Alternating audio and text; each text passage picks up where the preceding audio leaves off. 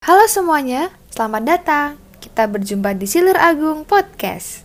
Podcast ini merupakan pengenalan lingkungan kampus dari berbagai perguruan tinggi dan obrolan seputar dinamika perkuliahan. Bersama aku Mila dan selamat mendengarkan. Selamat pagi, siang, sore, dan selamat malam buat teman-teman semuanya. Nah, hari ini aku ditemenin sama temen aku. Halo Mora, Ah, halo Mila, halo semua yang dengerin podcast ini. Nah, Mor, boleh disebutin nggak sih kamu lagi kuliah di mana, semester berapa gitu, dan kesibukannya apa sih akhir-akhir ini? Oke, uh, halo, uh, aku Maura dari Jurnalistik uh, Fakultas Ilmu Komunikasi Universitas Pajajaran. Uh, semester saat ini aku semester 4 menuju semester 5.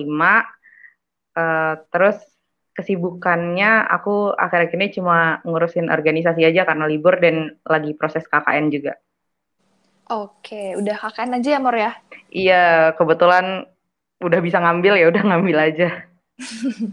Oke deh. Nah nih Mor, mungkin teman-teman di luar sana pada penasaran kali ya, apa aja sih yang kamu pelajarin gitu di dalam jurnalistik di Unpad itu? Oke, okay, so, uh, kayak namanya ya jurnalistik yang pasti uh, kerjaannya jadi jurnalis uh, membuat berita, bikin uh, produksi konten suatu berita dan lain-lainnya. Dan yang pasti nggak cuma berita yang ada di koran atau di uh, media online kayak detik gitu-gitu, enggak. Kita nggak cuma belajar itu doang, tapi kita juga belajar uh, memproduksi konten berita di uh, radio, kemudian kita juga belajar uh, produksi konten berita di TV, kemudian selain itu kita juga belajar soal uh, desain desain juga kita belajar visual kayak uh, tata letak di koran, tulisan tata letak tulisan di koran, terus uh, bikin layout uh, majalah juga kita pelajari gitu. Jadi ya nggak jauh-jauh dari pekerjaan media dan berita sih pelajarannya. Oke, berarti emang seputar itu aja ya jurnalistik yang seperti kita tahu semuanya gitu. Iya, betul. Kurang lebihnya seperti itu. Oke. Nah, kalau nggak salah aku juga pernah dengar sih kalau di Unpad di Fakultas Ilmu Komunikasi, kalau nggak salah ada tujuh jurusan ya, Mor ya? Iya, betul ada tujuh. Nah, itu ada apa aja, Mor? Dan mungkin bisa disebutin lah secara umum gitu, perbedaannya dari kesemuanya tuh seperti apa gitu. Oke, kan uh, di Vkom Unpad itu ada tujuh jurusan dan yang pasti masih kerjaannya masih berkutat di seputar komunikasi dan media juga ya, karena memang komunikasi itu kan uh, bidangnya di media Terus ada tujuh jurusan yang uh, ada ilmu komunikasi, ada manajemen komunikasi, ada hubungan masyarakat, kemudian ada ilmu informasi dan perpustakaan, terus ada jurnalistik, jurusan aku, terus ada uh, manajemen produksi media, sama yang terakhir ada televisi dan film. Yang pasti tujuh-tujuhnya uh, walaupun terdengar namanya berbeda, tapi kita nggak bisa nggak bisa kayak saling melupakan satu sama lain gitu. Kita masih saling membutuhkan satu sama lain dan yang pasti bidang pekerjaannya juga berbeda. Jadi uniknya di Vicom tuh kerjaan kita beda tapi uh, kita pasti saling berhubungan kayak gitu. Oke. Nah, kalau untuk jurnalistik kan uh, mungkin ada fokusnya gitu ya untuk di dunia kerja. Nah, kalau lebih spesifiknya Mor untuk prospek kerja di jurnalistik itu seperti apa Mor? Kalau prospek kerja of course ya pasti jadi jurnalis.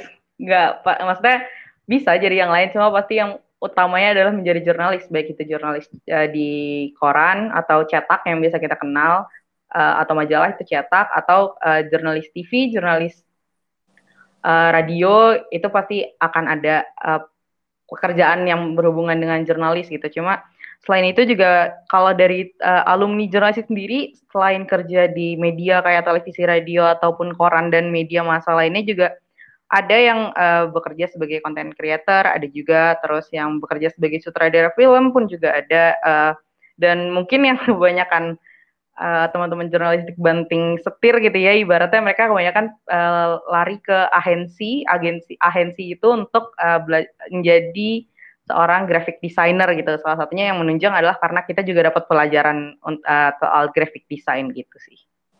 Oke, berarti memang cukup luas ya untuk prospek kerjanya, nggak cuma jadi seorang jurnalis gitu ya, Mur ya? Iya, cukup luas karena kalau uh, waktu itu sempat ada salah satu alumni uh, jurnalis juga yang cerita Salman uh, Salman Aristo dia dia kan bikin kayak semacam uh, production house buat film-filmnya gitu ya. Dia juga sempat cerita kalau uh, biasanya untuk uh, yang mencatat kan uh, di di production film itu kan penting ya untuk mencatat semua hal yang terjadi gitu. Nah biasanya yang mencatat itu adalah uh, teman-teman dari jurnalistik karena uh, mereka detail gitu semuanya, semua halnya dicatat. Jadi ya kalau pelajaran catat, maksudnya kalau pekerjaan catat mencatat mungkin jurnalistik lebih unggul gitu lah dibanding uh, jurusan lain gitu. Oke, nah mungkin kita agak bergeser sedikit gitu ya dari persoalan jurnalistik gitu. Aku pengen tahu sih dari cerita kamu lika-liku apa sih yang kamu rasain gitu, yang kamu rasain suka dukanya selama berkuliah di sana itu seperti apa, Mor? Oke, kalau lika-liku perkuliahan yang pasti ya sama seperti semua orang lah ya, eh, deadline yang deket-deket, terus uh, tugas yang banyak gitu. Cuma yang paling, ini mungkin yang paling memorable ya, yang paling memorable buat aku adalah uh, kita pernah dikasih tugas untuk uh, meliput suatu webinar gitu. Jadi tugas uh, apa webinarnya jam 10 uh, webinarnya jam 12 siang dan hasilnya itu harus kita bikin dan uh, webinar itu harus dibikin berita kan harus dibikin berita secara singkat itulah nah di situ dikumpulinnya jam 8 malam jadi dalam satu hari itu jadi uh, webinar kita hitung sekitar dua jam ya selesai jam 2 dan dari situ udah harus langsung diolah jam 8 udah harus dikumpulin. Itu itu salah satu yang paling memorable juga terus ada juga. Ya kebanyakan gitu sih kalau di jurnalistik tugasnya adalah deadline deadline-nya pasti mepet bukan mepet maksudnya deadline-nya pasti dekat-dekatan gitu. Deket. ah antara satu tugas atau satu uh, antara satu tugas dengan tugas yang lain dan ya itu yang cukup bikin stres di awal-awal kuliah tapi makin ke sini jadi ya semakin menyesuaikan diri gitu. Karena kalau menurut aku kan kadang ada orang yang ngomong ya kayak ah kamu ngerjain ngerjainnya deadline karena kamu menunda-nunda pekerjaan gitu. Di jurnalis itu di kalau di jurnal nggak bisa dibilang menunda pekerjaan juga karena uh, tugasnya nggak cuma itu doang gitu. Jadi mau dibilang menunda pekerjaan, ada pekerjaan lain yang harus diselesaikan duluan dan kadang di pekerjaan itu juga ya dikasih deadline-nya mepet. Jadi ya udah, kita nggak menunda pekerjaan, memang mepet deadline-nya gitu. Berarti memang harus di ini ya, dituntut untuk terbiasa sama uh, adaptasi baru gitu nggak sih yang awalnya dulu SMA kita masih bisa leha-leha dengan tugas ini itu, tapi di kuliah tidak bisa seperti itu. Iya, yes, betul. Dan juga yang ini sih yang lika-liku paling uh, yang paling bikin cukup bikin uh, hampir stres di awal perkuliahan adalah kan waktu SMA aku tuh nggak terlalu suka ekonomi ya, uh, iya. benar-benar nggak suka ekonomi. Tapi ketika uh, di kuliah terutama di jurnalistik, mau kamu dari IPS, ketika kamu disuruh ngeliput soal uh, halnya kesehatan gitu, misal soal kamu harus wawancara dokter dan segala macam itu kamu harus paham gitu. Jadi uh, misal kamu disuruh uh, menulis berita tentang eh, itu menulis uh, artikel tentang kesehatan uh, kesehatan lansia di masa pandemi gitu kan. Itu kan kalau kamu anak IPS kayak apa nih yang harus ditulis gitu kan. Nah itu yeah, itu yeah. harus kamu tahu juga gitu. Jadi memang ketika jadi jurnalis mau ketika SMA gitu kamu bilang kau kau bisa bilang kayak ah oh, nggak mau uh, aku kan gak suka ekonomi oke aku masuk jurnalistik aja. Enggak ternyata enggak gitu. Ketika ketika di jurnalistik ya nulis lagi soal ekonomi soal indeks harga soal bursa saham yang yang istilah-istilah baru gitu. Itu itu juga salah satu yang harus dipelajari uh, dan disiapkan gitu.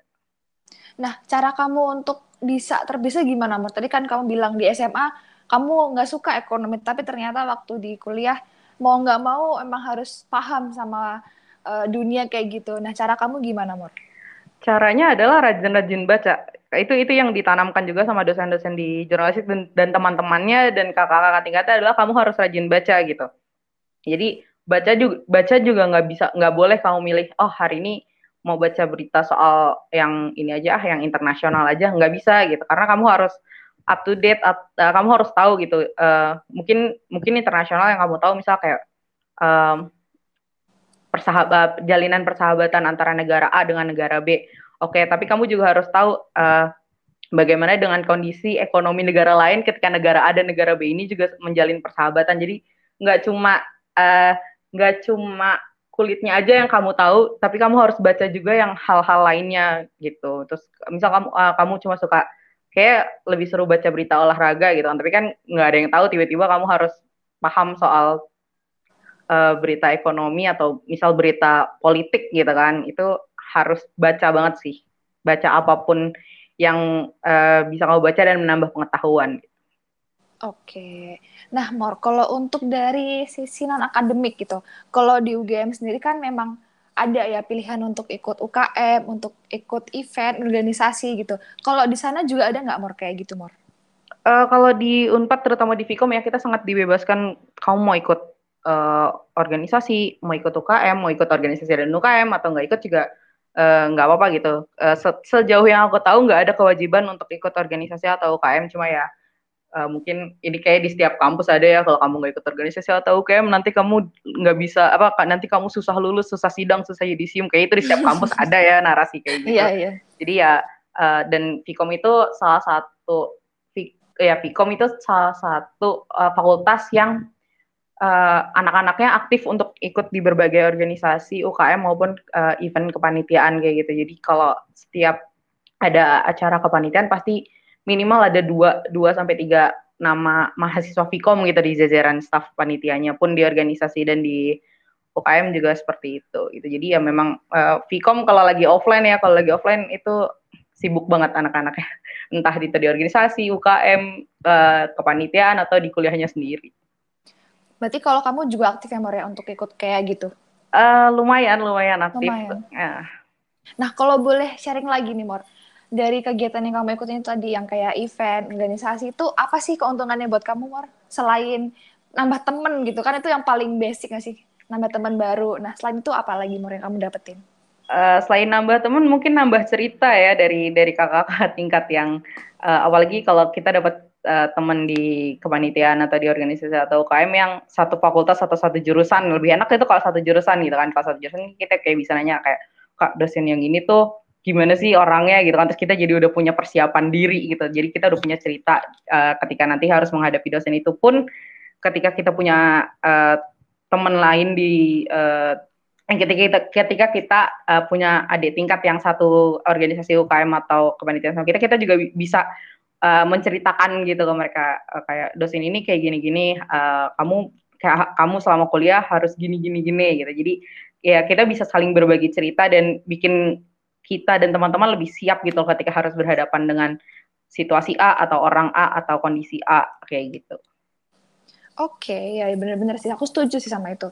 Nah, Mor, kamu kan berarti sempat kuliah offline ya, sempat merasakan offline sebelum ada corona ini ya? Iya, sempat. Berarti kamu merantau ya, Mor ya? Yep, Jauh merantau. dari orang tua gitu. Nah, suka dukanya jadi anak rantau gimana, Mor? Sukanya tuh pasti bebas nggak ya Mor? Ya kan? Iya kalau sukanya ya of course uh, cukup bebas dari orang tua. Uh, maksudnya kayak uh, aku bisa aku bisa pergi keluar jam 12 malam tanpa harus tanpa harus diem-diem buka pagar atau lewat pintu belakang gitu kan. Kayak jam 12 malam teman ngajak pergi ya udah tinggal tinggal pergi aja gitu. Nggak harus kayak bentar ya uh, belum izin sama mama. Kan kalau kalau di rumah kan iya. kan gitu ya kalau aduh kok. aku banget. Kalau di kosan ya udah pergi tinggal pergi aja hmm. gitu kan. Itu salah satu sukanya. Terus sukanya juga karena kan unpad kan di Jatinangor ya jadi memang pun jarang yang orang asli Jatinangor itu jarang gitu. Jadi hampir hampir aku bisa bilang sekitar hampir 75 persennya adalah perantau gitu. Baik uh, perantau di luar Jawa Barat. Mungkin teman-teman yang dari Bandung nggak merantau nggak nggak merasakan merantau merantau banget gitu kan. Cuma memang 75 persennya adalah uh, teman-teman yang merantau gitu. Jadi kayak kita punya teman senasib sepenanggungan gitu. Uh, akhir bulan ngajak makan kita ngumpulin duit cuma kekumpul duit tiga puluh ribu gitu untuk makan berlima. Kita mikir tiga puluh ribu makan berlima beli apa ya gitu. Terus uh, itu itu mungkin lebih kayak suka dan duka ya suka sukanya adalah bisa jadi satu bisa, ya? um, jadi satu sama teman tahu tahu struggle teman-temannya sendiri dukanya itu kadang nggak uh, punya uang terus uh, mau minta sama orang tua juga segan gitu kan. Terus uh, apalagi ya dukanya mungkin karena Jatinangor kan uh, di di ketinggian ya maksudnya di dataran tinggi gitu. Jadi ya kalau pagi adalah uh, kalau pagi rasanya mandi pakai air es langsung gitu kan. Kalau nggak punya water heater di kawasannya ya kalau pagi kalau mandi dingin banget. Cuma ya kalau siang panasnya nggak jauh beda sama mungkin nggak jauh beda sama Jakarta atau Jogja gitu. Mas, panasnya juga sama aja gitu. Cuma ya kalau malam terus ntar dingin lagi kayak gitu. Enak eh, itu itu duka dan suka. Kalau kalau untuk teman-teman yang suka dingin wah itu enak. Tapi kalau teman-teman yang punya alergi dingin itu lumayan lumayan menyiksa gitu kedingin dinginnya kayak gitu. Tapi kayaknya asik ya kalau pagi-pagi lihat dingin sejuk itu. Tapi ya itu sih satu sisi harus mandi pakai air es kayaknya.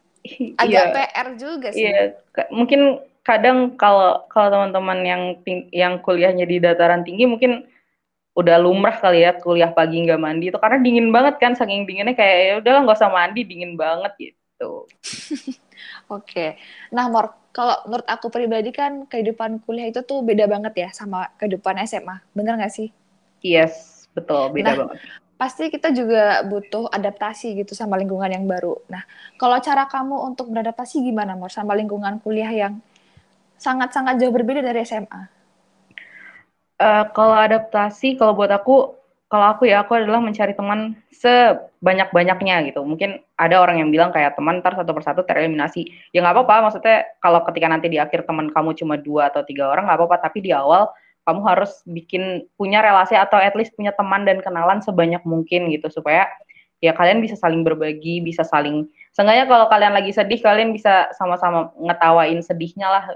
Puitis banget, tapi kayak ya seenggaknya nggak sedih sendirian gitu loh yang paling yang paling penting ya itu untuk nyari nyari teman dan punya kenalan sebanyak mungkin Iya benar sih emang kalau ada teman tuh pasti ada aja yang bisa diceritain, ada ada aja yang bisa di asik lah pokoknya gitu ya. Iya, dan lebih enak buat ya jadi nggak sendirian-sendirian banget juga apalagi anak-anak rantau gitu kan. Terus nggak ada yang satu sekolah sama kalian di universitas gitu kan. Terus eh dapat teman jadi seenggaknya nggak sendirian-sendirian banget lah.